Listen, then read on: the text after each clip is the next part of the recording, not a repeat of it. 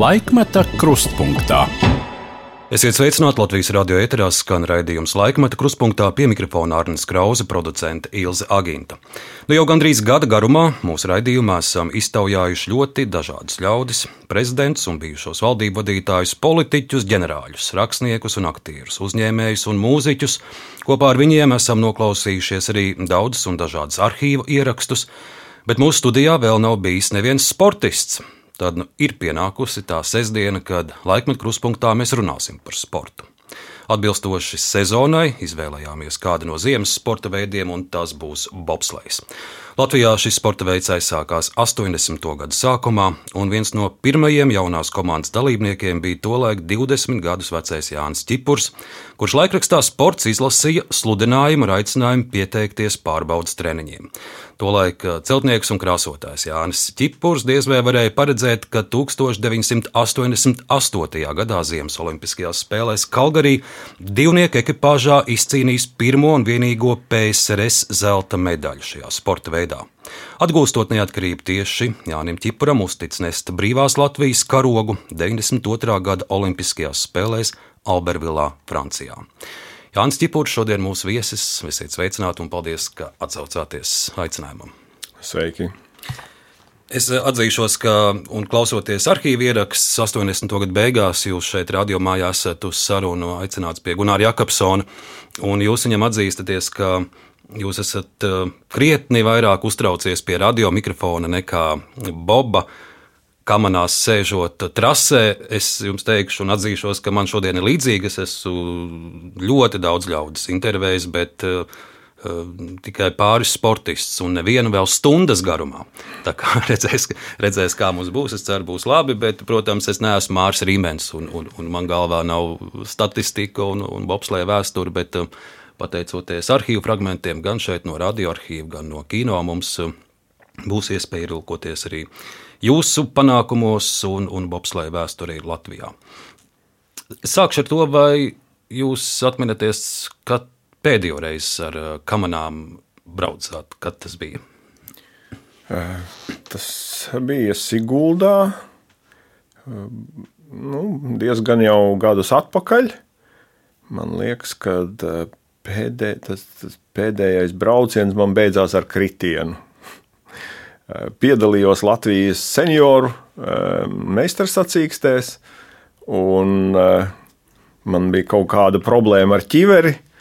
Kaut gan mana pierastā, parastā ķivere, bet laikam uz vecumdienām galva ir kļuvusi šaurāka, tā ķivere bija kustīgāka un braucot pa trasi, uh, treniņos tas nenotika, bet sacensībās lielāks ātrums, lielāka centra beidzas, vairāk mētā un purina, un tā ķivere nobrauca uz leju uz, un, un aizsedza man redzi. Bet līdz finišam tikāt? Uz sāniem. Uz sāniem. Jā, un tas jau trases vidusdaļā man aizsedza redzēšanu. Es mēģināju kaut kur pa, pa ķiveres apakšējo maliņu kaut ko redzēt, vairāk uz intuīciju, vairāk uz orientējoties pēc savām ritma sajūtām, pārzinot to trasi ļoti labi un tās, tās laika nogriežņus tiku līdz 15. virāžai, bet, uh, bet neredzēju, kāda mana ieeja, un tas ir svarīgi, vai es agri ieeju vir, virāžā, vai, vai vēlāk iebraucu viņā, un izējot no tā jāizvēlās trajektorija, es vienkārši kaut ko vidu, viduvēji izvēlējos, un tā lēnām apgāzos, izēju uz sāniem, un tā, man, tā nofinišēja. Bet bobslēgs ir diezgan traumatisks sporta veids, un, un, protams, tie kritieni jums ir bijuši daudz, un es esmu lasījis arī, ka, ka reiz kādas sacensības jums beidzās arī ar samaņas zaudēšanu pat. Jā, ir tāda, arī tāda pieredze. Tas bija uh, Sibīrijā, uh, Urāla kalnos. Tur tajā reģionā bija uh, nu, bija Baškīrija. Uzbūvēta ļoti jocīga, neprofesionāla trase, kuru beig beigās mēs paši pilnveidojām, paši sportisti mēģinājām viņu savest. Strādājot tur trasē, savest kārtībā, lai vispār varētu pa viņu nobraukt. Un, un vienās sacensībās, jā, tas bija tā, PSRS tautas partijāta sacensību, divnieku sacensībās. Tur bija pat tāda situācija, ka tie, kas bija paši labākie un ātrākie, tie visi uh, finišēja uz sāniem, kas, kas brauca lēnāk. Tie kaut kā tika cauri tur uh, pašā trases sākumā, otrā, trešā virāžas bija tādas sarežģītas ar lielu ātrumu. Gan arī lielākais ātrums trasē jau bija trases augšdaļā, tik jocīgi viņi bija uzbūvēti. Jā, tur, Kritiens pamatīgi. Tur bija pamat, kritiens bija tāds, ka es neko neatceros.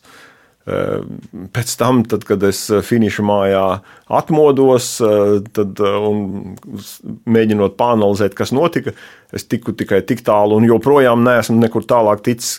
Kā to brīdi, pēdējie soļi, kad es ielicu kamerās, kā es esmu izbraucis to pirmo, otro virāžu, tas ir melna bilde. Neko neatceros. Un, un tikai atceros, kā es atmodos finiša mājiņā ar ledu uz galvas. Droši vien nav tāda precīza statistika, bet aptuveni jūsu sportistu karjeras laikā, cik daudz nobraucienu pat rases ir bijuši. Es pieļauju, tie varētu būt nu, pāris tūkstoši vismaz. Nu, jā, pieredzējušākiem tas varētu aiziet tūkstošos, jā. bet li lieli tūkstoši nav, jo mums to braucienu nav tik daudz. Nu, parasti klasiskais treniņš ir divi nobraucieni, nu, dažreiz trīs sacensības. Tagad tas ritms ir tāds, ka kaut kādi 4, 6 treniņu braucieni un sacensības. Divi braucieni, visas nākošās sacensības, divi braucieni. Tad, kad es vēl braucu, tad mums bija drusku garāk. Tā programma bija viena nedēļa divnieku sacensības, un tad nākošā nedēļa četrnieku sacensības. Tad bija trīs vai četras dienas eh, braucām divnieku treniņus, tad divas dienas sacensības eh, divniekiem, un pēc tam nākošā nedēļa četrniekiem. Tad kā drusku vairāk. Nu, un arī karjeras pašos ehm, pirmsākumos mūsu treneri ļoti dzina. Arī tajā ziņā, kad vajadzēja vākt to braucienu skaitu, jo nu, jākrāj tā pieredze. Un tad bija tā, ka, piemēram, divi treniņi dienā, katrā treniņā pa pieci līdz septiņi braucieni. Nu, tas ir pasmagu sportistiem, jo nu, tas, tas it kā brauciens ilgst varbūt tikai 50 sekundes, bet tas ir tāds informācijas apjoms, Eh, gan brauciena laikā, kas jāspēj ar savu reakciju eh, visu to apstrādāt. Eh, tur, kā saka, procesoram ir jākūp. Un pēc tam arī analizējot, vēl, un, un, un visas tās sajūtas atkal atgriežot normālā stāvoklī un sagatavoties nākošam braucienam, tas ir nu, tāds pamatīgs darbs un pamatīga slodze tieši, tieši nu, galvai. Un, un, jā, un tad, ja, ja pāri pa 10, 11 braucienu dienā, Nu, tas vienreiz arī man beidzās ar to, ka es vairs nespēju savākties un apgāzos. Mums pirmajās sezonās tur daudz mēs braucām Vācijā, Oberhofs trasē, Winterbergā. Un mums pašiem savas trases nebija, un tur mums dzina, dzina.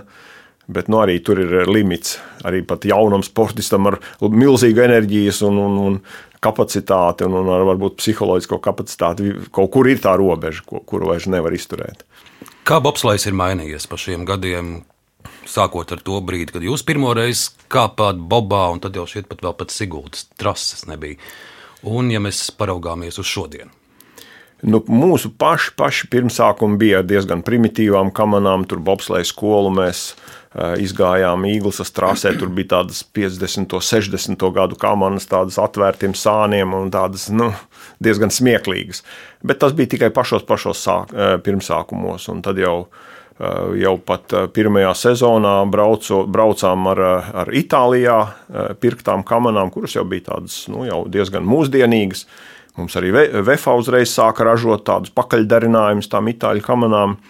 Un, un, un mūsu mehāniķi jau no pirmās sezonas sākot saprata, ka ar tām standarta kamerām mēs eh, visaugstākos rezultātus nesasniegsim. Mums ir pašiem jābūvē, tas ir tehniskais sports veids, mums pašiem jābūvē savas kameras, eh, saka, jātīst savu tehniskā bāzi. Un mums tika VFA, VFS nāca ļoti pretī, tika saorganizēta. Pēc tam arī vēl citur Latvijā būvēja, bet nu, tas, tas pamats viss saka, bāze bija VFā, un, un, un VFs mums atvēlēja visu palīdzību, un tika būvētas kamanas, un, un nemitīgi uzlabots, un ar vien jauni modeļi, un arī ar slidām tika strādāts, un, un tas tehniskais sports veids, un tas bija.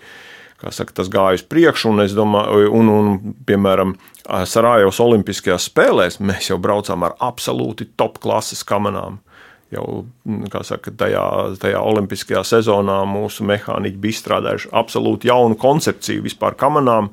Tādu, kur nu, tās klasiskās bobslēga kamanas ir vidus, vidusdaļā dalītas, lai ar to domu, lai tā kā elastīgāk, pamazām tā nu, saka, tā, turpinoties tai kustībai, labāk, mīkstāk pieņem virāžu un labāk kontrolēt. Bet mūsu mehāniķiem un nu, trenerim upatniekam to, to brīdi iz, bija ideja galvā, ka ļoti svarīga ir aerodinamika un, un izdarīja visu, lai maksimāli to aerodinamiku uzlabotu. Jo aerodinamika nu, pie ātruma 100 km un vairāk stundā ļoti iespaido to kustību uz priekšu, to ātrumu.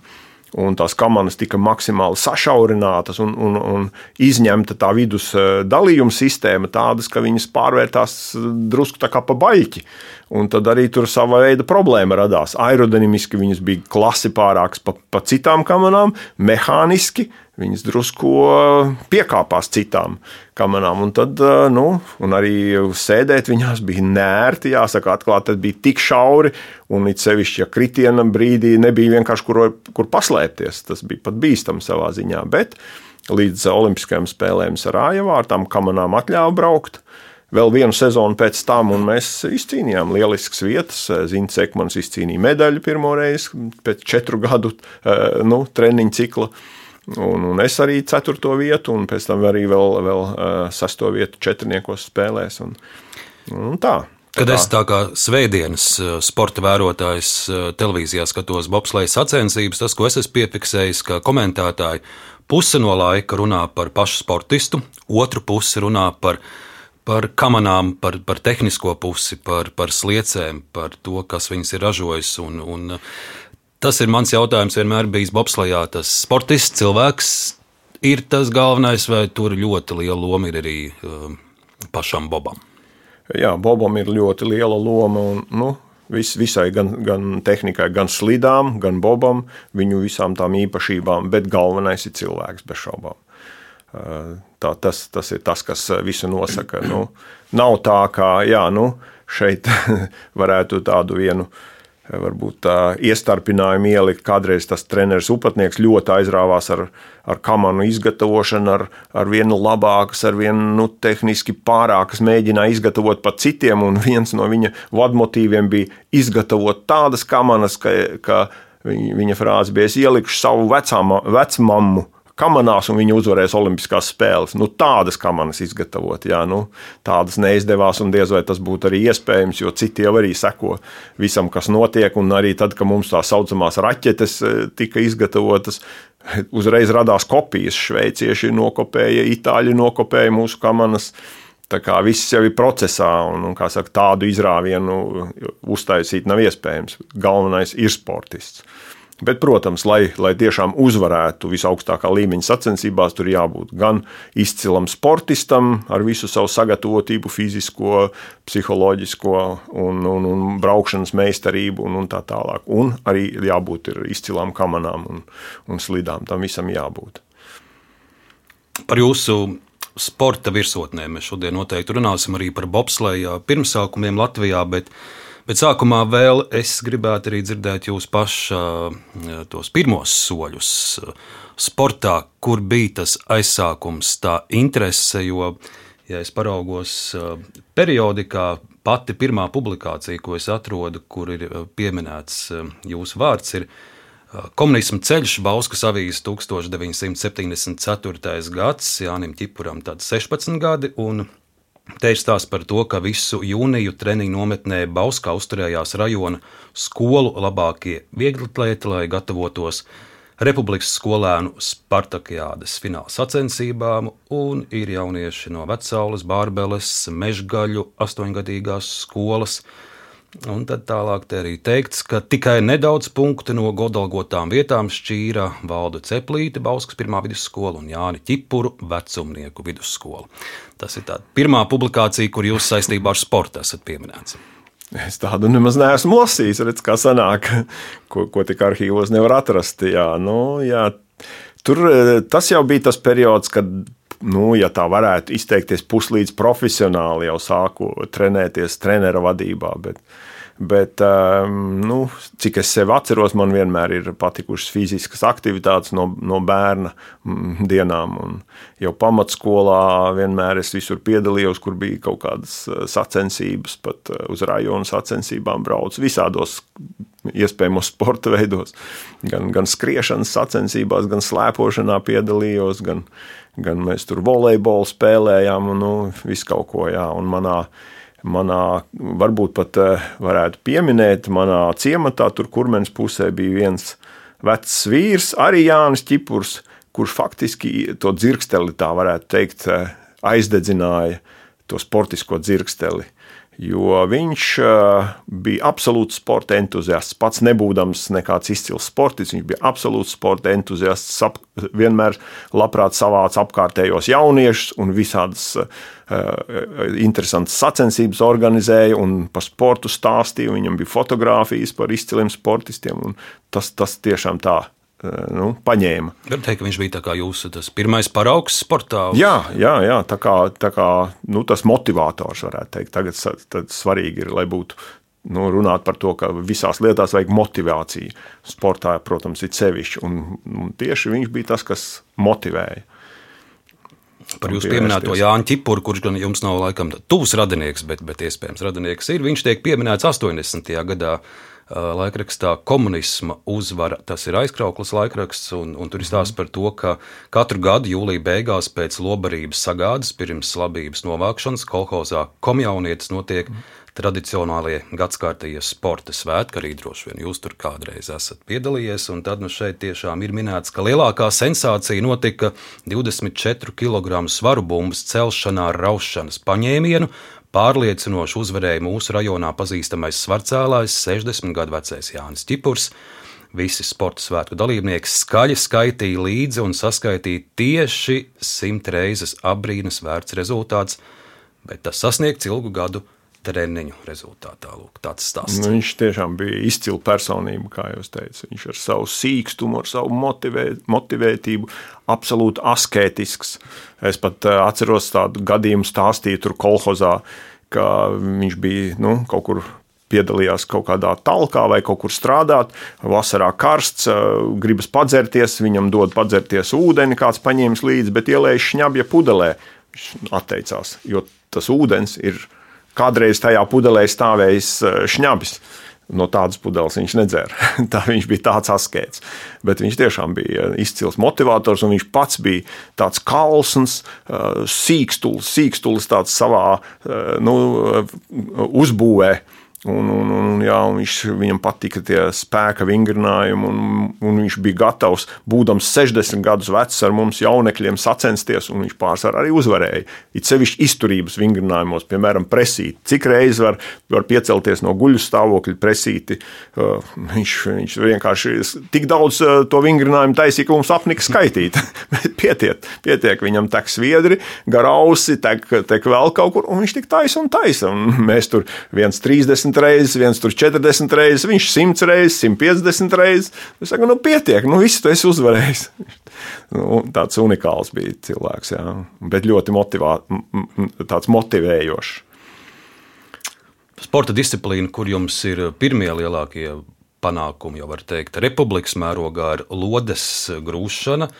75. gadā starp Latvijas PSR desmit labākajiem jaunatnes vieglatlētiem ir arī Jāņa Čipura vārds. Tātad lodes grūšana 7,2 kg. Jūs esat eh, šajā tabulā otrajā vietā.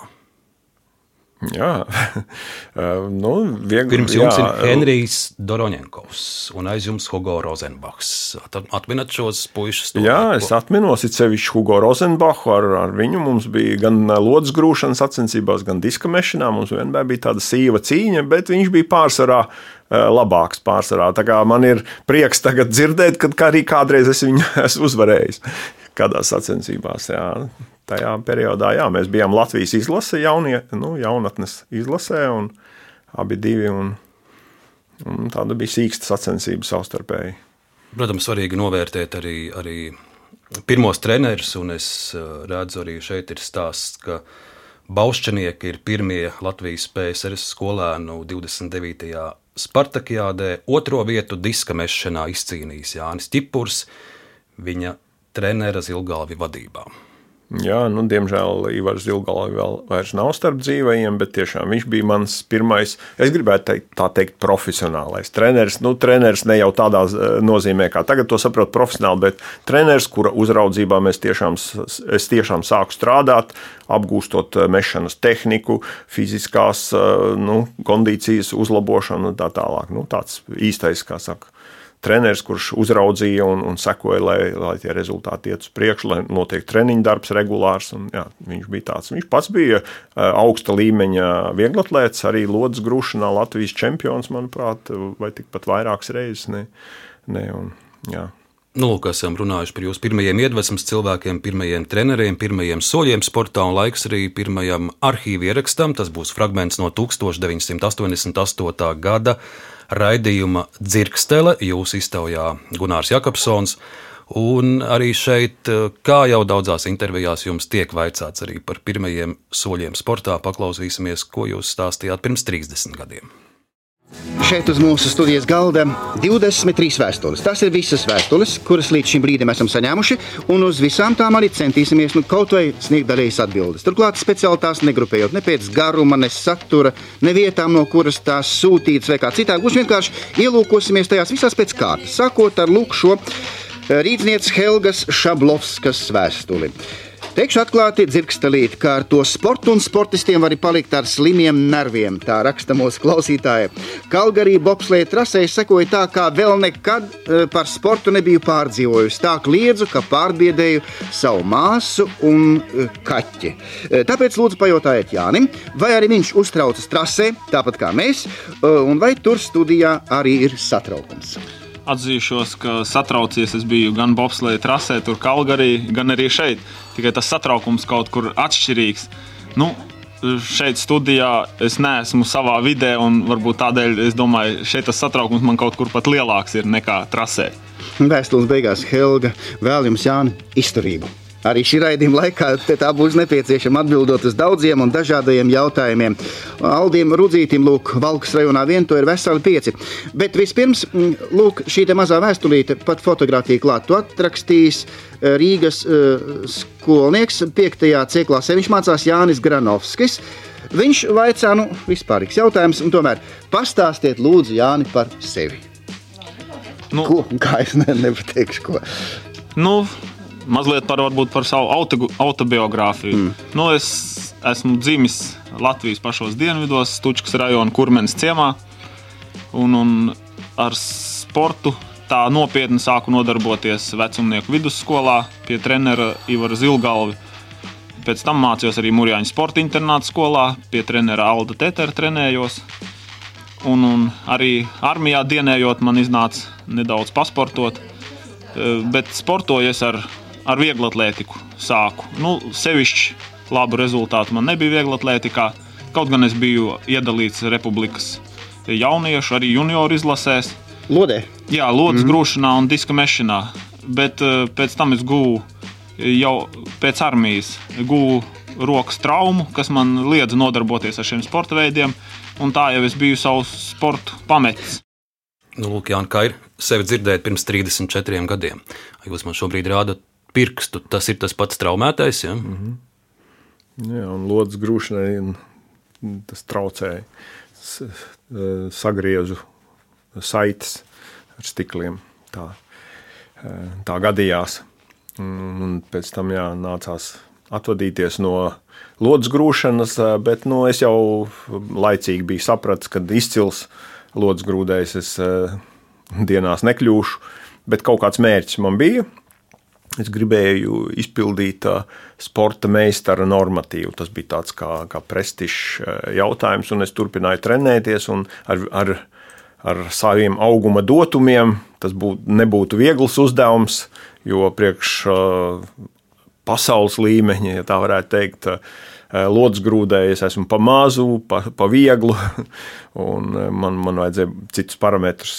Bet, nu, ja es to biju iesācis, man gribējās līdz kaut kādam punktam to novest. Un, un tas uzstādītais mērķis bija sporta meistara norma. norma.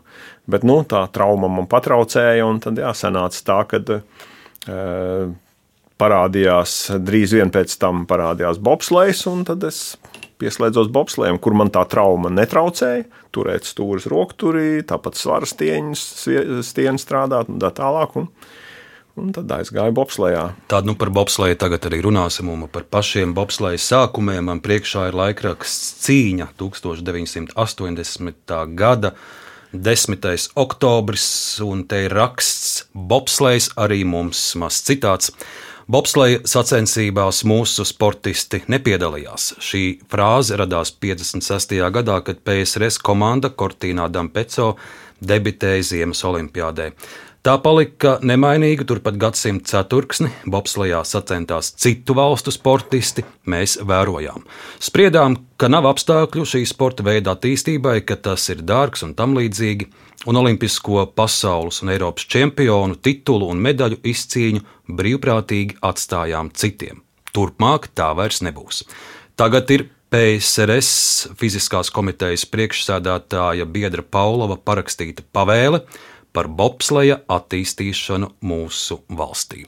Nu, tas ir no, no cīņas stāsts par to, kā, kā teiksim, paši, paši tie sākumi ir bijuši. Mm -hmm. Jā, nu, tāds lēmums tika pieņemts. Tur sporta augšās, tur vadībā. Eh, galvenais iemesls, cik es esmu dzirdējis, bija tas, ka eh, PSRS Olimpiskā komanda kopumā zaudēja, piekāpās eh, Austrumvācijas komandai.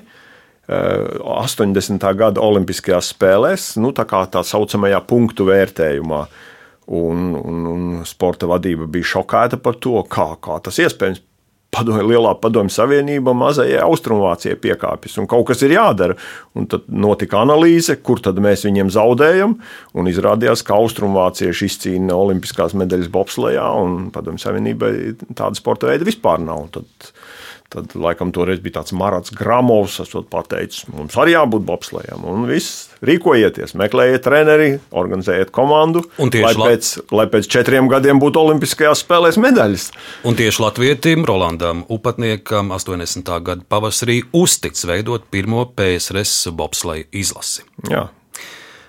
Tagad paskatīsimies un noklausīsimies vienu arhīvu fragment. Tas ir 81. gads, tātad bobsleja paši, paši pirmie soļi. Rīgas kinostudijas kinožurnāls Sporta apskats, režisors Gunārs Bandāns, teksta autora Dzintra Grundmane. Tātad sižeta nosaukums Sveicināts Bob. Kādreiz šeit dzima sapnis par rodeļu kamanām. Tagad cēsu trasē jauns sapnis.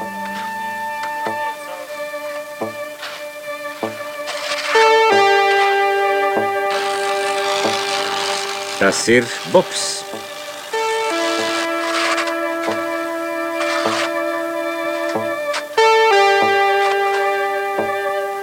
Dzimšanas vieta Vefs.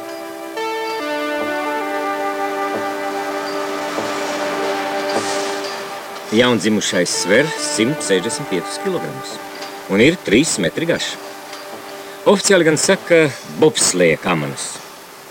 Latvijā kādreiz tās traucās par Odelbānu, Jāgenskā un Priedēs. 1981. gada ziema. Ilgi gaidītā diena ir klāta. Cēsu kamaniņu trasē pirmās bobslējas sacensības. Un pirmais trasi pārbaudīs treneris.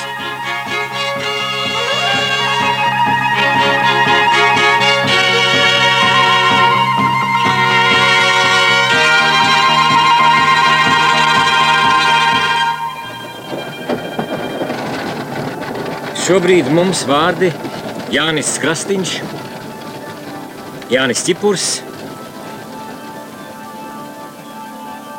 Aldis Cimdiņš neko neizsaka.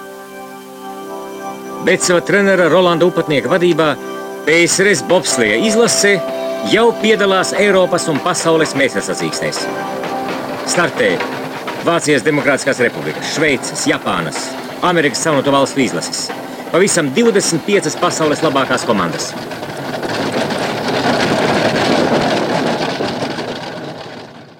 Nu, lūk, tādi tie, tie paši sākumi, un, un, un, un šī sižetiņa beigās arī tāda epizode, kur kamans apgāžās. Jūs pilnīgi salicāties šo ieraugot. Jo es, tā sajūtas vēl nav pazudušas. Tieši šajā pa, pirmajā pasaules čempionātā, pašā pirmajā, kurā mēs piedalījāmies, es kritu četras reizes mm. šī trasē. Un visas reizes finiša virāžā, tur, kur vislielākais ātrums finiša virāžas izējā. Citi arī pa trases vidusdaļā krita, tur bija tādi piedzīvojumi. Tas, tā bija viena no smagākajām, varbūt pat pati smagākā trase uz to brīdi pasaulē. Un mums, iesācējiem, absolūtiem piena puikām, bija pa to trasi jābrauc. Jau pirmo reizi apskatot vienu to trasi, mēs Es atceros, mēs pa nakti iebraucām kortinā, mēs piloti uzreiz mēģinājām tur atrast to trasi, kur viņa kaut kur mežā ir, un, un pilnīgi pat tumsu grābstīdamies atradām, un, un grābstīdamies pa to trasi tur nogājām, un, un konstatējām, ka virāžas milzīgas, kritums uz leju visu laiku nes to trasi, un, un jau bijām tādā stresā, kas te tagad būs, tagad būs jābrauc pa šo trasi, nu bija arī piedzīvojumi, tas bija. Tas bija raips čempionāts, kad bija tā, ka uz četrnieku sacensībām no cik tur kaut kādiem 5, 16 vai cik mums tur bija, vai 14 sportisti līdzi, varēja knapi savākt vienu ekipāžu, kurā bija trīs klibi piloti, ja tā var teikt, un viens stūmējs.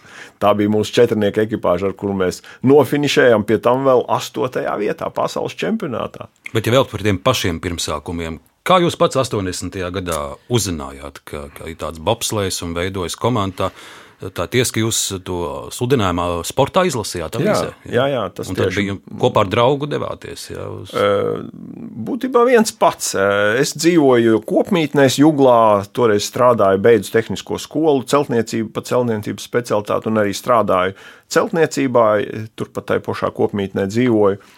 Un man bija istabiņas biedrs, kurš eh, ļoti labprāt piedalījās manās aktivitātēs. Es arī nu, gājām uz treniņiem, kā saka, pašizdomātiem, turpat tās Bābelītes ezera krastā, pat apskrējām apkārt eh, Jūglas ezeram krosu abi divi kopā, un, un arī bija tāds eh, aktīvs puisis. Un, Un, un, un, bet nu, nekāda liela mērķa un sapņa nebija. Tas bija vairāk sava prieka pēc viss. Un tad parādījās tas bobslēgs. Pirmā, pirmais, tie testi pirmie bija beigušies treneri diezko apmierināti nebija. Daži sportisti bija atlasīti, un tad organizēja vēlreiz. Es, es jau sekoju visam, kas notiek, izlasīju to ziņu, gan par to aicinājumu, gan par tiem rezultātiem. Bet, nu, ko bobslēgs, kas man bobslēgs, neko nezinu, kas tas ir. Tad vēlreiz nāciet, aicinājums, nāciet droši. Mēs gaidām fiziski spēcīgus sportistus, aicinājums. Un tad mans istabiņas biedrs saka, nu, bet tu tā kā esi fiziski spēcīgs, nu, ņem čības padusē un brauc uz murjāņiem, apstīties, kas tur notiek. Ok, labi. nu, tā esam sarunājuši. Tad es arī aizbraucu. Nu, tur es jau biju tā aktīvi beidzis to vieglu atlētiku, nepiedalījos vairs sacensībās dēļ tās rokas traumas un tā aizbrauc tur, tur aktīvi vieglatlēti, tur tie, ar kuriem es esmu sacenties, tur desmit cīņnieki, tālēcēji, tur, ar ko es Latvijas izlasē esmu braucis. Es domāju, nu, ko tad es te darīšu? Es jau biju uzaudzējis arī kaut kādu 18 centimetrus garu bārdu, tāds onkulīts eh, tur izskatījos starp tiem atlētiem. Aizbraucu, nu neko. Nu, ja jāpiedalās, labi piedalīšos tajos visos vingrinājumos un izgāju caur tiem visiem testiem. Beig beigās tad, laikam, trešo rezultātu uzrādīja. Nu, tad uh, upatnieks apskatīja visus tos uh, rezultātu tabulas. Un pa vienam tos labākos sauc iekšā pie sevis uz pārunām, iesauc mani, brīnās uz mani. Vienreiz tur taisa papīros, otrreiz pabrīnās uz mani. Viņš netic savām acīm, ka šis te onkulīts ir vēl tikai 20 gadus vecs. Un tad pirmais uzreiz viņam bija, uh, bija frāze, nu, ja tu gribēsi palikt bobslijā, tad tev no bārdas ir jāatvadās. Tās būs traucēklis aerodin, aerodinamikai, tur sekundes simtaļas zudīs, ieķeroties vējam bārdā. Bet es dažos arhīvu kadros redzu, ka jums tāpat tā bārda dažreiz arī ir.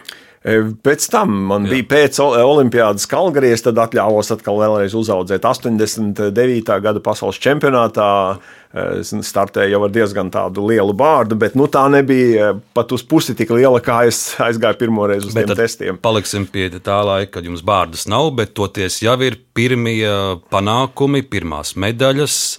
Arī pirmās Olimpiskās spēles nākamais fragments mums būs no 1984. gada ir tapusi dokumentālā filma Aiziet. Tās autora režisors Sāns Sepners un operators Gunārs Bandāns, filmā ir izmantoti kino materiāli sākot ar pašiem pirmajiem mūsu sportistu, bobslēgistu testiem un treniņiem līdz pat startiem Olimpiskajās spēlēs Sarajevā 1984. gads.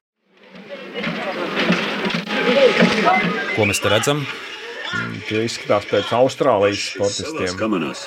Jānis Čipurs un Aivars Šnepsts jau paspējuši kļūt par Eiropas čempioniem. bet neviens tituls nav pielīdzināms medaļai šajā trasē. Te mēs eh, startējām jau ar tām eh, pašu izgatavotajām tām superkamerām, mm. tām eh, aerodinamiski izcilajām kamerām. Kanādieši. Jā, jā kanādieši četrniekus rāda. Jā, un, un te bija tā situācija, ka četrniekos, četrniekos mēs braucām arī ar steigā izgatavotām tādas pašas konstrukcijas kamerām, bez tā dalījuma, un tā, tā bija vienkārši pārdzīvojums. Tikt līdz finišam tur bija tikai uz, uzdevums.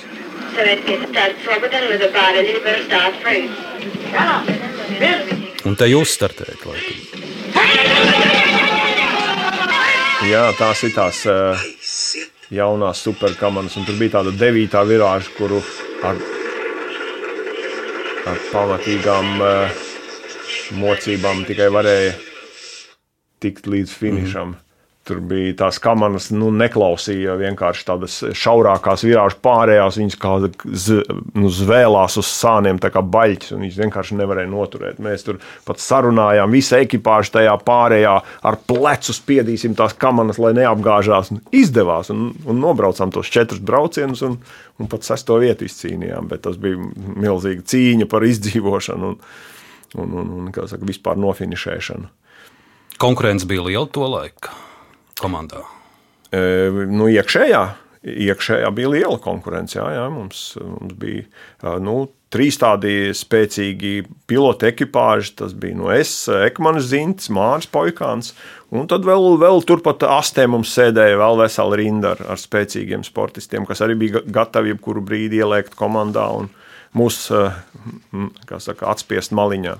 Tā kā iekšējā konkurence bija, tas bija viens no uh, arī no uzdevumiem veidot to iekšējo konkurenci. Un tas ir pareizi. Tad, jā, jābūt iekšējai konkurencei. Tas, tas, tas dzen uz priekšu. Es atceros, mēs tur ar, ar Zinu Tekmani pat vasaras treniņos nemitīgi mačojāmies, pat kaut kādos fiziskās sagatavotības vingrinājumos, tur lēcienos vai, vai kaut kādos sprinta vingrinājumos visu laiku viens otru. Arī Māris Poikāns reizēm pat palikām treniņā ilgāk, lai nokārtotu rēķinus, kurš tad tagad aizliks trīs soli tur tālāk piemēram, trīs, tāds trīssoļu disciplīna lēkšana no, no vietas trīssolī. Un tas bija tāds labs rādītājs fiziskai, eks, fiziskai sagatavotībai, eksplozivitātei. Mēs tur tā ņēmāmies, kā saka, tā bija tāda iekšējā cīņa un, un, un tāds papildus motivators, kas ļoti palīdzēja. Un tad pienāk 1988. gads Olimpiskās spēles Kalgarī, vai tās var saukt par jūsu sportista to pašu augstāko virsotni? Nu, nenoliedzami, protams, jā.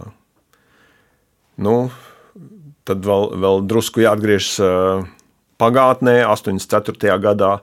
Kā jau tur tajā iepriekšējā fragmentā tika minēts, mēs uz Olimpiskajām spēlēm braucām jau kā Eiropas čempions. Es ar savu ekipāžu biedru Aivaru Šnepstu, mēs pirms tam bijām uzvarējuši Veltinkausas sacensībās, uzvarējuši Eiropas čempionātu. Uh, Nu, vieni no reāliem līderiem uz, uz medaļu, varbūt te nu sazina pat par, par zelta medaļas izcīnīšanu. Bet nu, Austrumvācijas sportisti tie, tie bija ļoti augsta līmeņa visādā ziņā, arī tehniskā sagatavotība viņiem bija eh, nu, kamanas augstā līmenī. Bija skaidrs, ka viņi tādu īpašu pieeju gatavojuši Olimpiskajām spēlēm, un viņiem būs, būs saka, savi trumpi. Un tā, tā arī izrādījās. Bet uh, man izrādījās tā, ka tieši tā olimpiskā trase Sarajevā īsti nepadevās. Un īsti nepadevās viena virāža jau trases sākumā, otrā virāža. Un es īsti nevarēju atrast tai virāžai risinājumu. Vienā treniņa braucienā izbraucu labi, rezultāts labs, citā braucienā tajā vietā kļūdos. Tas ir trases sākumā, un trases sākumā kļūda daudz vairāk maksā. Un tieši sacensībās arī man pirmajā braucienā gadījās tā kļūda, un es tikai ceturtais. Pēc tam es jau ķēru rokā, ot, e, otrā braucienā labāko rezultātu izbraucu, tad otro, laikam, trešo rezultātu, bet paliku dubļos. Tas nozīmē blakus piedestālam, ceturtajā vietā kopvērtējumā. Un tas man bija liels pārdzīvojums, kad nu, neaizsniedzos līdz tai medaļai, bet nu, tad es, kā saka, tajā brīdī arī izlēmu, ka es, es darīšu visu, lai nākošās Olimpiskās spēlēs tādu kļūdu nepieļautu un es nu, sasniegtu to, uz ko tiecās sportists, izcīnīt to medaļu. Un šo apņemšanos jums arī izdodas realizēt 88. gads Kalgarī Olimpiskās spēles un Jānim Čipuram zelta medaļa. Mums, protams, šodien jāpiemina arī Vladimirs Kozlovs, ar kuru jūs kopā bijāt Bobā un, un, un kopā šo zelta medaļu izcīnījāt eh, Latvijas radiofonotēkā. Ļoti labi, ka ir saglabājušies arī Gunārs Jakobsona vairākas reportāžas no šīm Olimpiskajām spēlēm. Tad nu, mums būs iespēja šobrīd iejusties gluži vai tādā kā tiešraidē. 88. gads dzirdēsim, kā Gunārs Jakobsons ziņo no Kalgarī. Olimpiskajā parkā. Šeit eksperimenti beigušies. Pretim medaļām tagad trauc 41 divnieku ekipāžu, tā skaitā Zintas Ekmanis, Aivars Krops un Jānis Kipurs, Vladimirs Kozlovs. Saule cepina kā vasarā, deguni zemē, jo mūsu slietus mīkstam ledum maks piemērots. Taču ir spīts, ir darbs, meistarība, tāpēc jācīnās. Pirmajā dienā divi braucieni, to neuzdod tie, kas sākumā, tā skaitā austrieši mājinieki un olimpiskā čempiona Wolfganga Hoppes ekipāža 57.06. Jānis izdauzītajā trasē brauc 26. un viņam 4. labākais rezultāts 57.43. Nav slikti. 110. Otrajā sāk... Otrajā braucienā abas rīznieki ekipāžas sākumā it kā priekšrocības, bet kā ir īstenībā zinti? Īstenībā, nu, es redzēju, tas starts atstāja iespēju, kad viņi aizsaudēja ciet to uh, startu špūru un pirmās ekipāžas nevarēja uz to startu. Normāli. Nu, kas tā par braukšanu vairāk, es nezinu vispār, kas ir tās pats atnesīgās, kaut kāda loterija vairāk nekas. Jā. Tās nav sasniegtas. Nu, kādas starpības lielas un nevar zināt, kurā brīdī sākās tā temperatūra, kad iestāsies. Es nekā nesaprotu. Kaut gan to jau varēja paredzēt. Jā, nē, nu pēc zīmes pikšķi nosauc šīs sacensības par loteriju. Ko pastāst viedokli? Nu, es viņam varu piekrist, ko te ļoti lielu lomu, kā jau es teicu, spēlēja izlot. Šodien mums viņa sevišķi veiksmīga, veiksmīga nebija. Un, un temperatūra tik šausmīgi silta, būs 12 laikam, vai cik te grādi ir. Un mums arī priekš šī tāda laika nesevišķi labi slidus ir. Ko var sacīt par startiem? Nu, man personīgi tā vidēji izdevās nobraukt. Pirmajā braucienā mazliet e, bija kļūda, bet otrajā braucienā bija bišķi lielākas divas kļūdas. Viena jau pašā startā. Bet nu tā, ņemot vērā to, ka trasa ir nevis ļoti, bet šausmīgi jau cietusi, izdauzīta, es domāju, ka tie ir tiešām nobraukt. Nu, lūk, te dzirdējām arī Zinta Ekmanu, un šī reportāža beidzas ar vārdiem: Šī ir pirmā diena, rīt kā būs, tā būs. Un beigās jau bija labi. Jā, nākošajā dienā viss vēl nemaz nebeidzās. Nākošajā dienā bija tikai viens brauciens, un tie laika apstākļi bija vēl eh, sliktāki priekš bobslēja, bija arī vēl siltāks. Un Turklāt ļoti spēcīgs vējš. Tas piepūta arī smiltis. Jā, jā un tas, eh, tas siltais laiks bija nokausējis sniegu, un tur tādi auguri, tādi, nu, kā jau no pēc celtniecības palikuši tādi neapzaļumoti eh, kaili. Un, un tas vējš, eh, tā, tā saule bija tos augurus apžāvējusi, un tas vējš uzrāva tās smiltis no tiem auguriem. Pilnīgi tādi smilšu putekļi gāja kā tuksnesī pa gaisu un ieputināja trasē. Uh, Un, jā, es atceros to trešo braucienu, es izēju uz starta. Kā parasti ar savu stūmēju sākam to, tos kamanas stumt. Man ir tāda sajūta, ka tās kamanas ir, eh, ka, ka mans stūmējs ir paslīdējis pirmajā solī, nokritis uz vēdera, bet turās pie kamanām, un es viens pats stumju kamanas un vēl velku to stūmēju līdzi. Tik smagi man pēkšņi tās kamanas bija, bet es atpakaļ neskatos, es tik stumju, stumju skrienu, skrienu tālāk nekā parasti, ielecu kamanās Un, un, un man, man tāda bija sajūta, ka es braucu viens pats lejā. Nu, tagad jūs jā, tā mierīgi stāstat par šo trešo braucienu, bet 88. gadā Gunārs Jakobsona reportāžā jūs nu, to varat dzirdēt. Tūlīt arī to noklausīsimies. Jūs esat tiešām nikns par to, kāds ir trases stāvoklis. Fragments paklausīsimies. Kamaniņa bobslēja trasē pūš lieli vēji. Sacensības nu pat kā pārtraukts. Jānim Čiparam beidzies trešais brauciens. Jāni, pirmkārt, kāda bija trase salīdzinot ar vakardienu ar pirmajiem diviem braucieniem? Nu, es nezinu, kā to izskaidrot, bet uh, trase ir katastrofāli sliktā stāvoklī, tāpēc arī sacensības pārtrauc, jo trase ir burtiski pilna ar smiltīm. Vairāk viņa pēc betona trases izskatās nekā pēc ledus trases. Un kā tiek vērtēts trešais starts? Partneri, pašs starts. Nu, es, godīgi sakot, starta ieskrējiena laikā man pilnīgi bija tāda doma, ka mans stūmējs ir palicis startā. Es viens pats ielicis Bobiju. Un, un, un nobrauc arī ne sevišķi labi.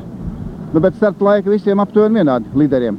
Kas nu braukuši? 5-30. Nē, starta, starta laika ir tikai līdz vienai ekipāžai pirms manīm. Normāli starta laika. Un sākot no vienu ekipāžu pirms manīm, tas ir ar šveiciešu ekipāžu Vēderu, sākot ir katastrofāli slikti momentā. Tikko kā nofinišēja eh, GDR ekipāža, tā nu, Vācu, demokrātisko vāciešu ekipāža, tā momentā parādījās smilts trasē. Varbūt tā ir eh, kaut kāda nejaušība, bet varbūt tā ir arī kaut kāda likumsakarība. Vai tas, ka brauciens nebija veiksmīgs, ir skaidrojums ar šīm smiltīm, vēl kādiem apstākļiem vai nē, nē, tieši, tieši ar smiltīm pirmkārt tas ir izskaidrojums. Nu, kāda šobrīd ir sajūta? Runājot par perspektīvu, nu, lūk, ka sacensības tiek pārtrauktas. Nē, nu, tad, kad es nobraucu, tad kāda varēja būt sajūta? Neaprakstām niknumu, vairāk neko nevar paskaidrot, kā, ne, kā neaprakstām niknumu. Bet tad, kad es redzēju, ka visiem tas pats notiek aiz manīm, nu, tad es zināju, ka tra, jau ka sacensības tiks pārtrauktas un ka tas vienkārši nav normāli. Neaprakstāms niknums šos vārdus jūs pat vairākas reizes atkārtojat. Jā, nu tā sajūta, es, es ļoti labi atceros. Es braucu, ielecu kamerās, kā jau es tur minēju. Man bija sajūta, ka tas, es to stūmēju vilku, kaut kādu gabalu ielecu kamerās, bet viņš pēc tam palaida tās kameras vaļā, palika guļam startā, un es viens pats braucu. Pēc diviem braucieniem es esmu sacensību līderis. Ceļā pēc olimpiskās zelta medaļas, un pēkšņi situācija, kas stūmēs, paliek trasē, Viss tā ir diskvalifikācija. Tas ir vienkārši vaiprātīgs niknums. Un es braucu līdz finišam, viens pats, man tāds sajūta, brauc viens pats. Nobraucu finišā, šķērsoju finiša līnijas, domāju, ka man tagad tur jāmēģina rausties uz atpakaļ, uz aizmuguri, nu, stūri palaist vaļā. Tur jau nekas notikt nevar finiša tajā, tajā posmā un mēģināt pa, pašam bremzēt. Nē, pēkšņi bremzējās. Kamanas aizmugurē stūmējas bremzēm. Man vēl lielāks niknums tajā brīdī. Tā tad viņš ir uh, nogāzies startā, viņš, es viņu esmu vilcis, viņš tomēr ir ierāpies tajā kamerās, un tagad uh, lepni ar manim nobrauc līdz finišam, un, mūs, un, un mums būs rezultāts pēc tāda starta, būs katastrofāli slikts un nekāda cerība vairs pa medaļu. Es domāju, ko tagad lai dara finišā turpat kameru priekšā viņam gāzt pa ģīmi vai pavilkt kaut kur aiz stūra. Bet tad, kad mēs izkāpām finišā, apstājās tās kameras, kāpjam no kamerām ārā, viņš pats uzreiz emocionāli. Kas te notika? Kameras tik smagi bija stumts startā. Es saku, kā? Tu stūmi? Jā, es stūmu un skrēju tālāk nekā Vladimirs Kozlovs. Jā, Vladimirs Kozlovs atbildēja, es skrēju vēl stūmu tālāk nekā parasti. Man, man uzreiz šoks. Viņš stūma un skrēja, es stūmu, un mēs tā kā pret sienu ar tam kamerām tur startā cīnījāmies. Tad man bija skaidrs, nu tā tad ir gropē, kaut kas tur ir iekšā, un tad mēs uzreiz pie Daumanta znatnājā, un, un, jā, un tad sāka tie citi sportisti finišēt ar, ar sliktiem rezultātiem, un tad es sapratu, jā, nu tur viss ir skaidrs. Bet pienāca arī zelta brīdis. Kādas atmiņas tagad ir par to? Eh, jā, nu tad beidzās tā, tā, tā neveiksmīgā diena, eh, tik, tie braucieni tika atcelti. Un pēc reglamenta ir iespēja tāda, ja eh, kaut kāda iemesla pēc atceļ divus braucienus, pēc diviem braucieniem var arī piešķirt medaļas. Var, var to uz, rezultātu uzskatīt par notikušu, tās sacensības par notikušām, tāds ir reglaments. Un, kā saka, mēs faktiski varam tikt paziņot, ka mēs esam olimpiskie čempioni. Nu, tas, tas bija tādā vakarā jāizlemj tai federācijai un, un visiem tiesnešiem, ko darīt. Bet es uzreiz ar savu stūmēju momentā izrunājām. Saku, viss tas pilnīgi skaidrs, ka sacensības turpināsies trešajā dienā. Neko ne, nemēģinām tur nomierināties, ka nu, mēs tagad čempioni, mums ir jāstrādā pēc pilnas programmas. Un es pat atceros nu, tādu niansu Mēs vakarā sagatavojam kamanas, notīram slīdas, visu kā parasti. Tur pārišķis vakariņas, nu, ejam istabiņā. Parasti no kādiem 10, 11 ejam gulēt, un tā. Es deviņos jau pilnīgi tā psiholoģiski kaut kāds tāds tā kā atslēgšanās notika. Iekritu gultā, viss un aizmigu līdz rītam. Tā parasti man nenotiek. Es pilnīgi atslēdzos un, un līdz rītam izgulējos, un viss un notika arī viss tā, kā, kā es teicu, sacensības turpinājās, un, un nākošā dienā, un mēs pabeidzām visu līdz galam. Ar zelta medaļu. Ar zelta medaļām, jā. Un, protams, atgriežoties ar zelta medaļu Latvijā, Liela uzmanība jums tiek veltīta presē, intervijas, un Jāņa ķipura vārds ir visur, un tas ir saprotams zelta medaļa Olimpiādē Latvietim. Un vēl viens fragments no radio raidījuma 1900.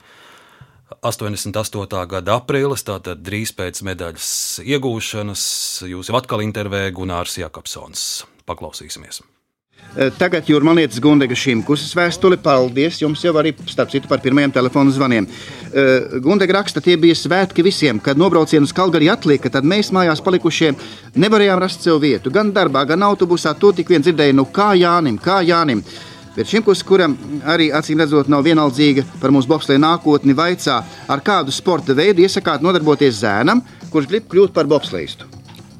Nu, bobslēgti pārsvarā varētu pat teikt, gandrīz vai simtprocentīgi pašreizējie bobslēgti mūsu komandā ir nākuši no vieglatlētikas. Galvenais, kā saka, jauniem puišiem būtu iegūt vispārēju fizisko sagatavotību, teiksim, nu, junioru, jauniešu junioru vecumā ne, nu, saka, konkrēti nedomāt par kaut kādu sporta veidu, bet vienkārši vispārēji gan sporta spēles, gan vieglatlētika nodarboties. Bet, jau, ja jau tiešām tas mērķis ir tik konkrēts izvirzīt dzīvē, kļūt par bobslēju, tad pārsvarā tomēr orientēties uz vieglatlētiku ar tādu spēka novirzienu. Vēl no tās pašas vēstures, pērn kanādiete Elēna McDonalda piedalījās Nacionālajā čempionātā. Vai domājat, ka arī Latvijas sievietes kādreiz aizrausies ar šo sporta veidu? Ziniet, Kanādā mēs bijām tiešām bezgala pārsteigti, ieraugot vienu treniņu laikā uz starta sieviešu ekipāžu bobsleja divniekos. Nu, tad mēs no Kanādas sportistiem uzzinājām, ka viņas ir pat ieņēmušas eh, nu, ne pēdējo vietu Kanādas meistarsacīkstēs. Nu, bet eh, no savas puses es negribētu sievietēm ieteikt ar šo sporta veidu nodarboties. Es domāju, ka tas ir vienkārši kaut kur uh, tāds šovs, kaut kur šovu paveids, jo uh, it sevišķi ārzemēs, kapitāliskās valstīs viņiem patīk tāda veida uzstāšanās. Ne jau tās meitenes cer nopietni uz kādu medaļu vai cer nopietni, ka tas kļūs arī par sieviešu uh, nodarbošanos. Bet tajā viens nopietns jautājums, Baiba, nu pat kā piezvanīja viņa vaicā, ja 19 gadi. Vai Rīgā, jūsuprāt, nepieciešams skaistuma konkurss, pavisam no citas operas? Tas, ziniet, es esmu ļoti priecīgs, ka es nesen izlasīju avīzē par tādu pasākumu. Es pilnībā to atbalstu. Ot šeit sievietēm tiešām būtu vieta, kur piedalīties, bet par bobslēju es neieteiktu eh, viņām sapņot. Nu, lūk, tā pirms 34 gadiem jau, vai, vai šajā laikā esat eh, mainījis viedokli par sievietēm bobslējā? Īstenībā pa lielam nē. Neskatoties uz to, ka jau labu laiku notiek regulārs bobsleja sacensības, neskatoties to, ka es esmu pats trenējis sievietes un diezgan daudz vairāku, kom, vairāku valstu komandās, kuras ir izcīnījušas ļoti augstas vietas, mans viedoklis tomēr, ka šis sporta veids sievietēm ir pārāk smags nu, gan treniņu procesa, tiem, ja tiešām sievietes grib arī izcīnīt augstu vietu, viņām ir arī smagi jātrenējas. Un, un, un it sevišķi tā braukšana kamanās, tā ir milzīga pārslodze. Vai tas vajadzīgs sievietēm? Es joprojām to viedokli pa lielam neesmu mainījis, bet, nu, ja atrodas tās drosmīgās sievietes un grib tiešām sevi pierādīt šai sporta veidā, es esmu gatavs palīdzēt viņām, un es esmu to darījis. Un, un, jā, nu, lai tas paliek viņu ziņā. Tāds būs mans viedoklis šobrīd. Nākamais mūsu fragments no 1989. gada dokumentālā filma Latviešu Gambīts.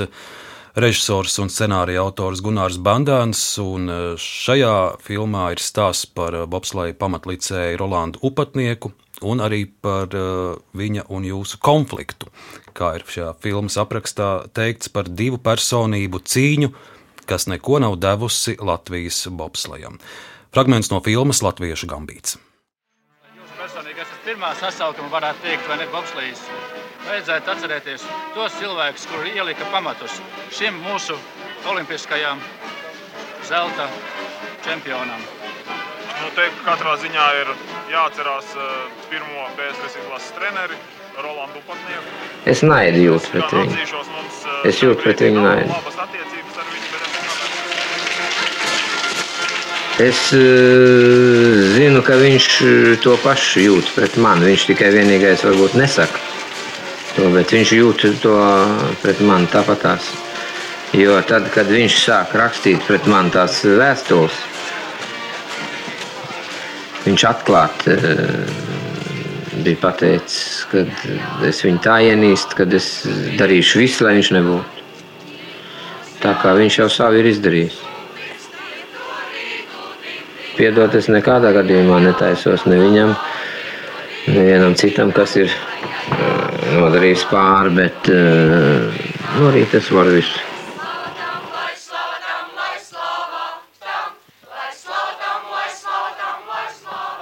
Tas tā izskatās tagad, kad uh, es esmu bijis kļūdains. Kad viss, viss ir tā, kā vajag viņa. Ot tagad upatnieks nav, viņš ir olimpiskais čempions.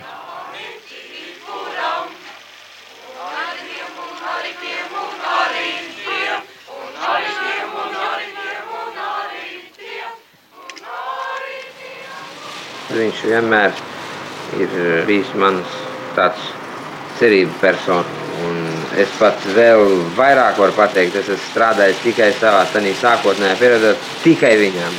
Tikai viņam. Un arī tad, kad viņš uzskatīja, ka es viņam kaut ko tur griezis, ne tā kā vajag, tad arī tad es esmu strādājis tikai viņam. Viss komandas bija ļoti slikti noskaņot pret mani, tikai tādēļ, vien, ka es strādāju tikai Kipuram. Un tomēr viņi kļuva par pretiniekiem. Un tad, kā parasti nāca trešais, kas sautīgi mērķu dzīves izmantoja par postu gan šī cīņa uzvarētājiem, gan zaudētājiem. Par postu Latvijas bobslējiem. Un, kad atnāca apskaidrība, izrādījās nekas tik vien kā medaļa, nekas cits nav gūts. Nu, lūk, šāds fragments, kur 1989. gadā dzirdam bobsleja pamatlicēju Latvijā Rolandu Upatnieku, pirms gada vēl zelta medaļa. Un šeit mēs dzirdam tādus vārdus, kā es jūtu naidu pret viņu un, un tā tālāk. Kas, kas notika jūsu starpā?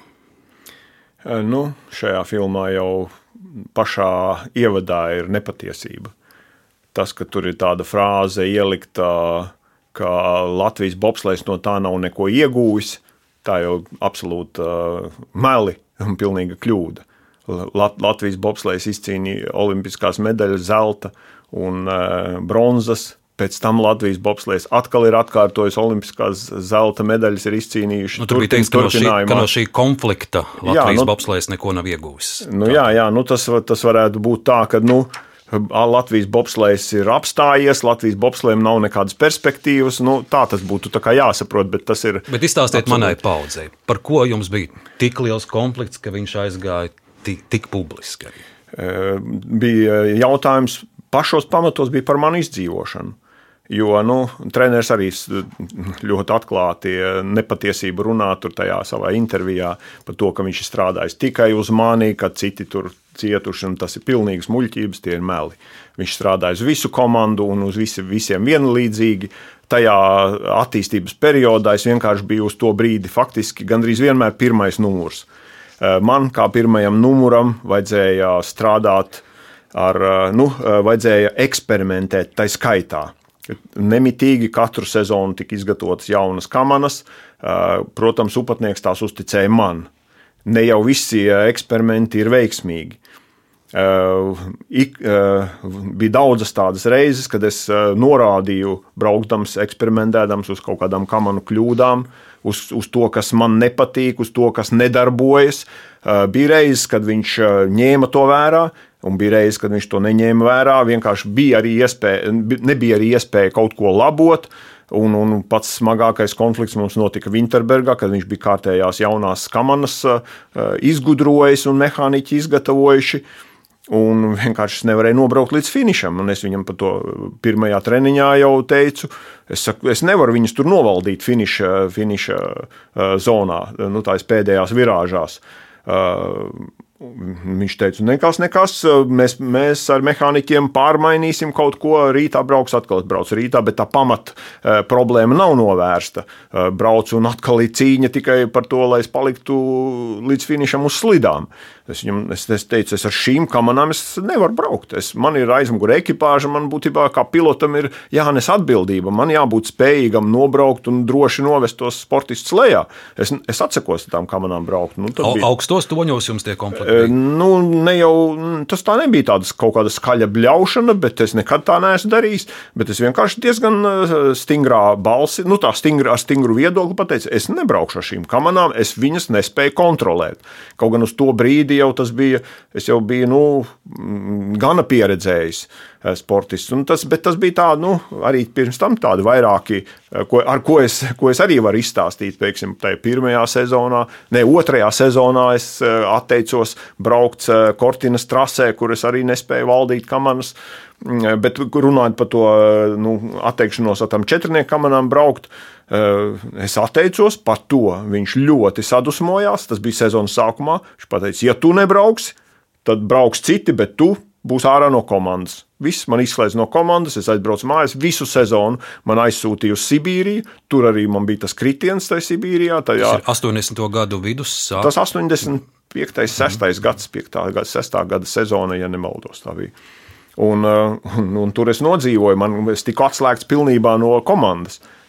Bet kas ar tām kamerām notika? Nākošajā treniņa nometnē iedeva vienam citam sportistam. Viņš pirmā braucienā apgāza tās kameras, eh, kameras eh, sasita, ekipāža eh, cieta, un tās kameras tika noliktas malā, jo viņš vienkārši nebija braucamas. Es ar viņām nocīnījos divus treniņus, neapgāzu, bet pateicu trenim, ka nevar ar viņām nobraukt. Par to mani aizdzina, bet to citu sportistu neaizzina situācijā ne, nekas netika labots. Mani ne, nepasauc atpakaļ, vai, vai nu, kur nu vēl atvainoties par to, ka tas bija nepatiesi izdzīts no komandas tikai par to, ka, ka es pateicu, ka tam kamanam nevar nobraukt, bet nu, tāds bija upatnieks. Nu, un, un, un tas bija faktiski tas, bija tas kulminācijas punkts. Tad, kad man izdzina no komandas uz veselu sezonu, un tad jau bija pēc diviem gadiem, jau bija Olimpiskās spēles, un es, es nepiekāpos. Es zināju, ka tā nav mana vaina. Ka, ka es esmu ārā no komandas. Es, es esmu pirmais numurs uz to brīdi, faktiski. Un, un man vienkārši izmet no komandas, un es tad cīnījos. Jā. Jums Bet vēl... pirms tam jau bija konflikti, kā jau teicu, ko arī uh, pieminēja presē, kad ķipurs ir tāds un tāds, ka viņš ir atteicies braukt kortinā, bet tā bija mana otrā sezona. Pirmo sezonu mēs jau minējām, tur četri kritieni man bija. Mēs, mēs runājām, jā, aiz, aizkulisēs. Četri kritieni tajā pasaules čempionātā, neskatoties to izcīnīja 8 un 9 vietu. Bet nākamajā sezonā, atgriežoties tajā pašā kortinas trasē, es nespēju nobraukt. Arī es braucu, un es atkal jūtu, ka nu, nu jāgāžās. Nu, priekš kam man jāgāžās? Es ne, nespēju kontrolēt to trasi. Tad es teicu, es nevaru nobraukt. Bet pēc, pēc kortinas, labi, man treneris sadusmojās, bet atļāva man nebraukt. Aizbraucām uz pasaules čempionātu Sanktmoricā. Tur es izcīnīju sesto vietu. Pasauli pirmo reizi vēsturē iebraucām sešniekā, pasaules čempionātā. Un, un, un jā, tad viss ir kārtībā, tad viss ir jauki, tad viss ir ok. Ar, Bet, ko šis, nu, ar ko šis konflikts beidzās? Jūsu ceļi ar treneru upatnieku šķīrās uz visiem laikiem, vai, vai vēlākos gados jūs atkal salīgāt? Nē, mēs, Nē. mēs nesalīgām, mūsu ceļš šķīrās uz visiem laikiem. Man, no manas puses, kā jau es arī intervijā minēju, es viņu atzīstu, kā viņš, viņš bobslēja pamatlicējs. Viņš ļoti daudz izdarījis bobslējam. Bet tajā konkrētajos atsevišķos gadījumos, kad viņam nebija taisnība, un es, es skaidri zinu, ka taisnība bija manā pusē, kā jau es tikko fragmentus izstāstīju, ka tur es nepiekāpos vienkārši. Nu, Un man, man bija tā, tas jautājums, tā, vai nu es esmu nekas, vai es cīnos par sevi, un es, es izcīnu sev, sev iespēju pierādīt sevi. Un es nepadevos, es cīnījos, un, un, es, sev, un es sev pierādīju. Bet tas, tas viņa frāzes, ka viņš eh, pateica, ka nu, viņš ir tā kā, tā kā naidā, un, un vēl manā vārdā pateica, es, eh, viņš jūt, ka arī man ir naids pret viņu. Nē, tā bija mana izdzīvošana. Protams, tās, tās nav eh, patīkamas sajūtas. Es neesmu sajūsmā par viņa tām darbības metodēm, protams, bet es viņu atzīstu kā treneri, arī kā treneri, kurš arī manā karjerā ļoti daudz ieguldījis. Bet tās, tā, tās, tā, tās situācijas, tad, kad mani atslēdz no komandas, man tas nebija pieņemami, un es cīnījos. Un, un, un viss, bet man tāda kaut kāda, tāda nezinu, nekontrolējama naida pret viņu nav. Nekad nav bijis. Tā, nu, tas nav korekti izteikties manā vārdā. Viņam iespējams, ka tas bija, jo viņš jau nu, būvēja uh, cik es arī sapratu, ne tikai mūsu komandu, viņš arī sevi kā treneru eh, personību būvēja un gribēja sevi pierādīt. Un, ja viņam tā iespēja līdz galam netika dot, protams, viņam tas bija aizvainojums un tas, cik var saprast, pat milzīgs naids. Bet tagad atkal par tiem skaistajiem, iedvesmojošajiem un pozitīviem brīžiem sportā. Noteikti vēl viens tāds jums bija 92. gadā Latvija atgūst neatkarību Un mēs atkal, kā neatkarīgi Latvija, varam piedalīties Olimpiskajās spēlēs. Albervila un tieši Jānim Čipuram uztic ienes stadionā sarkanbaltu sarkano karogu. Kā tas bija? Nu, tas bija vienkārši tik negaidīti, un ne jau tas pats fakts, bet visa tā mums, mūsu atgriešanās uh, Olimpiskajā uh, kustībā ar savu karogu Jo pirms tam, kā saka, to, tos titulus es izcīnīju startējot zem PSRS karoga. Un tagad ir tā iespēja, neticama iespēja, uz ko mēs neticējām līdz pēdējiem brīdim, pat tad, kad mēs atteicāmies no PSRS izlases un nestartējām mm, PSRS izlasē to, to tajā sezonā 91. gada nu, ziemā. Mēs, mēs necerējām, ka tik pēkšņi mums radīsies tā iespēja eh, pārstāvēt Latviju Olimpiskajās spēlēs, bet tas viss notika. Jā, nu, tā bija fantastiska sajūta. Vienīgais žēl par to, ka. Jums bija trauma un pats nevarēja. Jā, ka es traumējos un, un nespēju pats eh, piedalīties sacensībās. Uh, jā, nu, jāatzīstās, ka uz to brīdi droši vien es nebiju spējīgs izcīnīt medaļu, bet uh, varbūt kādu pietiekoši augstu vietu es būtu bijis gatavs izcīnīt. Jo pasaules kausā pirms Olimpiskajām spēlēm tieši es pat līdz 4. vietai divniekos aizsniedzāmies vienās sacensībās. Tā kā nu, nekur tālu jau tur nebijām. Bet, diemžēl, trauma trīs reizes vienā un tajā pašā vietā, ikru muskulī plīsa šķiedra. Tā, tas man, jā, man atslēdza no, no dalības Olimpiskajās spēlēs. Laiks pēc aktīvās sportista karjeras beigām. Es neesmu liels sporta uh, eksperts, bet uh, pastāstiet man, uh, nu, cik es redzu, Latvijas bobslēgs, mūsu izlase. Jūs esat daudz bijis ārzemēs un trenējis Šveices komandu un amerikāņus. Es mazāk redzu jūsu vārdu pie, pie Latvijas bobslēga. Kādēļ tas tā izvērtās? Jā, nu, tāda situācija izvērtās. Eh, jā, tad, kad eh, bija jāizšķirās, ko darīt eh, pēc Albertvīlas Olimpiskajām spēlēm, kurās, kā jau minēju, es nepiedalījos traumas pēc, starpsezona, drusku atpūtos. Nu, jāsāk atkal gatavoties nākamajai sezonai, nu jau Latvijas kā, komandas sastāvā. Bet uh, ar finansēm mums bija vienkārši milzīgas problēmas tajā brīdī. Un, un sagadījās tā, ka pašā, pašā uh, sagatavošanas perioda sākumā es traumēju kāju, pārlauzu pēdu. Un tas nozīmē, man atkal man atmeta man trauma uz kaut kādu laiku atpakaļ uz, no, no nopietniem treniņiem. Mani, mani kā saka, paņēma, paņēma nost no, no, no, no distances nu, tad es sapratu, laikam tomēr ir laiks likt punktu manai karjerai un, un, un skatīties, ko darīt tālāk. Kaut gan arī ko darīt tālāk, man, mana profesija, ko es biju apgūlis, ir krāsotājs apmetējs. Nu, tā bija iespēja strādāt par krāsotāju apmetēju, kur var tīri jēdzīgi kaut ko arī nopelnīt.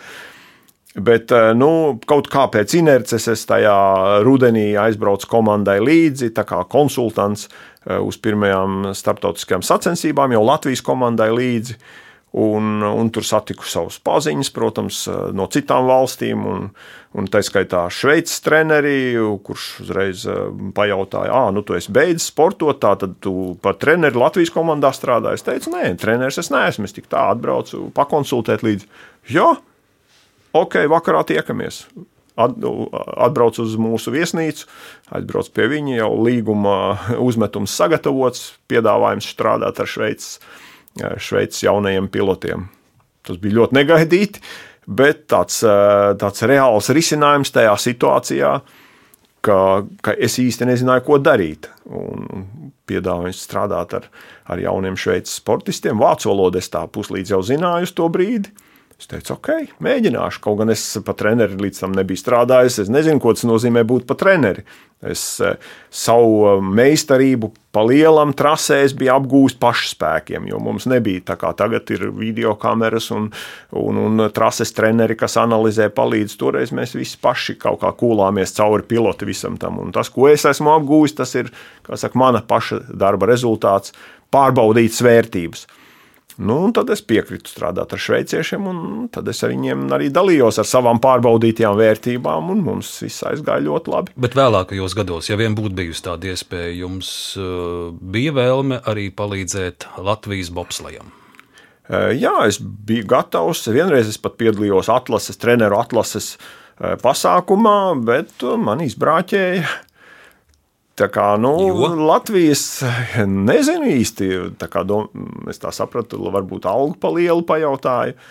Bet nu, man drusku bija aizdoms, ka zinot Latvijas Bobsleja federācijas cilvēkiem, zinot manu stingro raksturu, zinot manu attieksmi pret lietām, varbūt eh, pat arī nebija īsti gatavi eh, ņemt mani. Jo, nu, kā saka, Es nezinu, nu, ja es strādātu, es strādātu tikai uz pilnu klapu. Nu, arī prasības man būtu ļoti augstas, nežēlīgi augstas. Tā kā es nezinu, varbūt tādu nopietnu piedāvājumu īstenībā nebija. Nu, vienīgais, tagad, kad es jau biju saka, lielam noslēdzis jau savu arī aktīvo treneru karjeru, strādājot ar pa, pa četru valstu komandām - Šveice, Amerika, Kanāda un Francija Visvairāk ar šveiciešiem, protams. Tad man bija piedāvājums ar Latvijas jaunatnes komandu sagatavot, palīdzēt viņus sagatavot Latvijas nu, jauniešu olimpiskajām olimpiādei. 20. gadā, ja nemaldos, tas bija. Nu, es piekritu, un, un es domāju, ka mums diezgan veiksmīgi sanāca ar, ar jauniem sportistiem iziet tam visam sagatavošanās, atlases ciklam cauri un arī olimpiādē. Astotniekā tika man abi sportisti, gan puisis, gan meitene. Vēl es gribētu dzirdēt arī jūsu viedokli par uh, bobsleju šodien, bobslejas politika, bobslejas un dopings. Protams, lielais skandāls 2014. gada Ziemas Olimpiskajās spēlēs Sočos. Sākotnēji zelta medaļu iegūst Krievijas bobsleja četrnieks Aleksandra Zubkova vadībā. Uh, mūsu komanda otrajā vietā, bet pēc Zubkova diskvalifikācijas tātad medaļu sadalījums tiek mainīts par, par dopingu bobslajā. Vai kas tāds bija, jūs redzējāt tajos padomju gados, jo ir, ir dažādi stāsti, ka, ka toreiz arī mēģināja dažādos veidos šos rezultātus panākt pēc iespējams labākus un, un šādas neatļautas lietas bobslajā mūsdienās. Nu, tā absolūti ar, ar, ar pārliecību komentēt man pagrūti, bet to, ka e, mūsu laikā, tais 80. gados PSRS izlasē dopings, e, uzspiests netika. To es varu pilnīgi droši apgalvot, bet e, to, vai sportisti pilnībā tika bez tā dopinga cauri savos, savos rezultātos, savā rezultātu attīstībā, to es arī nevaru gar, garantēt. Es nekad mūžā neesmu nekādus dopingus lietojis, to es varu roku liekot uz sirds pateikt. Uh, arī no, no PSRS nu, saka, izlases medi, medicīnas personāla vai tā obligāti nekas netika tāds piedāvāts. Kaut gan es zinu, citos sporta veidos tā ir bijis. Bet mums tāds nebija. Nu, tur bija tādi atjaunošanās līdzekļi, kas pēc tam vēlāk izrādījās, eh, ir aizliegti tādus. Bet arī tos es, eh, tad, kad mums tur kaut kādas nu, inozīna tabletes bija, es atceros tādas nu, sirds stiprināšanai, tā kā, lai tās lielās slodzes var labāk, es, es tās arī Es viņus notirgoju, citiem sporta veidiem es viņus nelietoju. Bet dopings, un, dopings Bet tas... un Krievijas sports mūsdienās mēs redzam, no cik daudzām arī sporta nu, federācijām jā, jā, jā. ir padzīta. Nu, to es, jā, kā jau es teicu, zinot to vēsturi, ka citos sporta veidos pat tika uzspiests dopings. Tā kā tajā situācijā, ka Olimpiskās spēles notiek Sočos, tur nu, Krievijas teritorijā, zinot to viņu politiku, ka tas sports ir tik ļoti nepieciešams tā valsts prestižam un, un, un celšanai, un tā, tad tur tika darīts viss, lai tie sportisti nu, tiešām parādītu izcils rezultātus, un tad es pilnīgi pieļauju, ka tur bija tā valstiska līmeņa programma arī pabarot viņus ar ar zālītēm, kādām neatļautām, lai tikai tie sportisti tiešām garantētu, eh, garantēti izcīnīt tās augstās vietas. Es pilnīgi to pieļauju. Protams, es nevienu neesmu tur redzējis un pie rokas pieķēris, bet es pieļauju absolūti to. Jūsuprāt, tā ir taisnīga rīcība, ka, protams, šobrīd arī Krievijas kara dēļ Ukrainā, bet vēl pirms tam šo dopinga skandālu dēļ eh, Krievijas sportisti tika padzīti no daudzām federācijām, no daudzām sacensībām. Jā, tas ir, tas ir taisnīgi tieši tā. Un tur, tur tajos sporta veidos, kur tas ir pierādīts, ka, ka tie pieķerts, ka tie sportisti ir lietojuši, tam sankcijām ir jābūt. Tas citādi nemaz nedrīkst būt. Ir jābūt tam sankcijām, ir jābūt diskvalifikācijām, un pret to ir jācīnās. Tas, tā ir sērga. Uh, un, un, un, un, jā, nu tādās valstīs, kurās sports ir īpaši prestiža līmenī, tas, tas tiek ar to grēkots. Jā. Pret to ir ļoti bargi jācīnās. Es to absolūti atbalstu. Un, un tas, ka eh, beig, beigās tā taisnība tika panākta, un, un ka tie, kas to ir lietojuši, kas izgājuši, kā izrādījās, tur ir vesela valsts programma bijusi. Tā, To dopinga pielietošanu, kas visi tur ir gājuši cauri, tos visi ir diskvalificēti. Tas ir absolūti taisnīgi. Un mūsu sportisti ir taisnīgi saņēmuši olimpiskās zelta medaļas. Tas ir vienkārši tā tam bija jābūt. Tikai žēl, ka tas viss tā ievilkās un Un vis, visvairāk žēl, ka viņi nevarēja tās olimpiskās zelta medaļas saņemt tur, uz vietas, stāvēt uz tā piedestāla augstākā pakāpiena ar Mūsējā, Latvijas karogu, jā. Eh, ar Latvijas karogu virs viņu galvām. Par Latvijas bobsleju. Es esmu patiesi tāds svētdienas bobsleja eh, skatītājs, bet, bet protams, nu, tie uzvārdi, kas pirmie nāk prātā, ir Prūsis, Melbārdis, Miņins, Ķibermanis, Dreiškans. Eh, Strenga, Dambis, Miknis. Eh, kādu jūs redzat eh, mūsu bobsleja nākotni? Nu, tie vārdi, ko tu minēji, tās, tās ir mūsu bobsleja izcilības. Tās ir īpašas personības bobslejā, un, un viņu vārdi ir iegravēti Latvijas bobsleja vēsturē. Perspektīva, jā, pie perspektīvas jāstrādā. Tas ir tā kā visās lietās dzīvē, kas saka, viss notiek viņveidīgi. Ir, ir pacēlumi, ir kritumi, uh, ir, ir uzplūdi un ir atplūdi. Un, un, nu, šajā brīdī mums ir saka, tas kritums bobslējā, ir aizgājuši mūsu čempioni, beiguši savas, savas karjeras. Viņi savu darbu ir izdarījuši, un tagad jānāk nākošiem, nākošajiem entuziastiem, nākošajiem motivētiem sportistiem. Nu, jāmēģina mums viņus atrast, tas nav viegli. Eh, jāmēģina viņus atrast, dot viņiem visu, ko, ko visu to bagāžu, zināšanu, tehnisko un tehnisko bagāžu, kas mums Latvijā ir, lai viņi spētu izaugt par nākošajiem čempioniem. Un tas ir iespējams. Es absolūti ticu. Ko Jānis Čipurs dara tagad, 34 gadus pēc Olimpiskās zelta medaļas iegūšanas? 90. sākumā dažās intervijās es redzēju, jūs teicāt, ka jums ir sapnis eh, par savu zemes stūrīti, par uzņēmēju darbību, kas no tā viss ir realizējies. Jā, man jau patīk tā uzstādīt tādus lielus, dažreiz arī attālus mērķus un solīt pa solītam uz to iet. Nu, palielam tas tā arī ir, ir sanācis. Vienīgā saikne ar bobslēju man tagad ir šāda ziemā pakomentēt, palīdzēt Mārim Rīmenim, ar tehniskām niansēm pakomentēt trasē, kā sportisti brauc, kur kļūdas, ko izdara labi, ko nepareizi. Bet jā, nu es esmu nomierinājies, iegājis pensionā, pensionāra eh, režīmā. Un, eh, jā, Dzīvojot strādāju, cēlā pusē, savā meža būdiņā. Un, un mēģinu tur tāpat visu, ko mm, paremontēt, eh, nu, pilnveidot. Savs dārsts ir pie mājas. Man patīk uh, iziet no rīta no mājas un noplūkt savus salātus un dillītes savā dārzā, noplūkt savus tomātiņus un, un, un pāriest ar kvalitatīviem, skaidri zinām, kvalitatīviem produktiem savas brokastis vai vienalga kādu citu ēdienu reizi. Nu, un tad vēl man ir tāds jau, nu, jau sanāk 17 gadus, es ar tādu nelielu biznesiņu, tādu diezgan tādu šaurā, šauras nišas biznesiņu nodarbojos. Un tas ir jaucu vecas koka būves. un tos koku materiālus pēc tam cehā apstrādāju, sagatavoju viņus otrreizējai lietošanai. Un atkal sadarbojoties ar Šveici, eksportēju tos materiālus uz Šveici. Un tur viņi ir iecienīti. Tie materiāli, tādi, tādi saka, kas, kas ir simtu gadus un vairāk nokalpojuši kādā būvē Latvijā. Bet viņi vairs nav vajadzīgi. Tās ēkas ir varbūt pilnīgi bojā ejošas, bet no tām vēl kaut ko var uh, paņemt noderīgu, tad es to izdaru. Un, uh, un, jā, un tad uh, ar to arī ņemos. Tagad jūs esat sēspusē, bet cik es skatījos arhīvos un dažādos pētījumos, ķipuri, ķipuri Latvijā nāk no Leišmalas, no Kurmenes pagasta un 35. gada tautas skaitīšanā.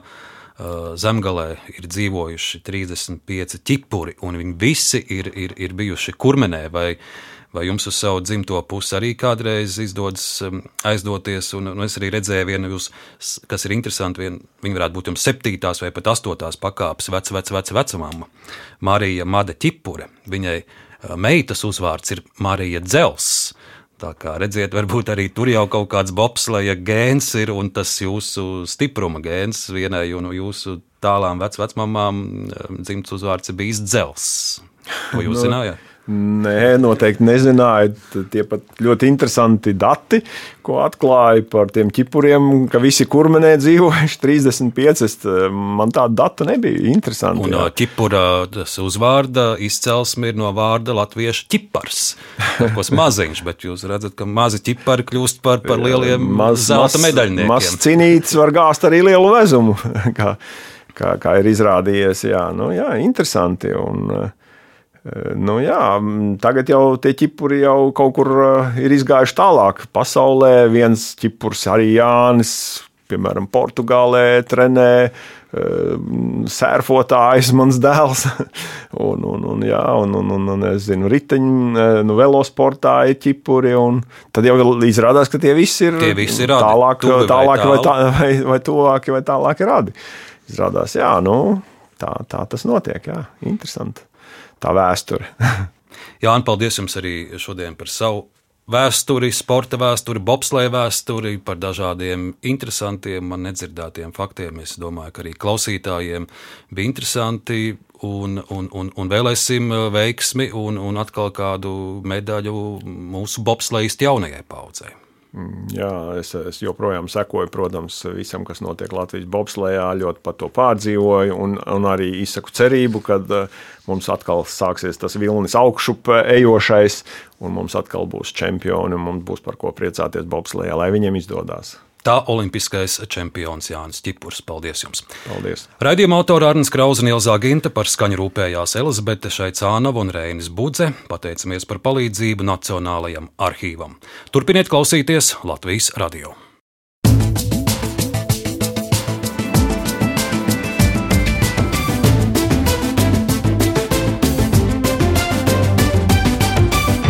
Laikmeta krustpunktā.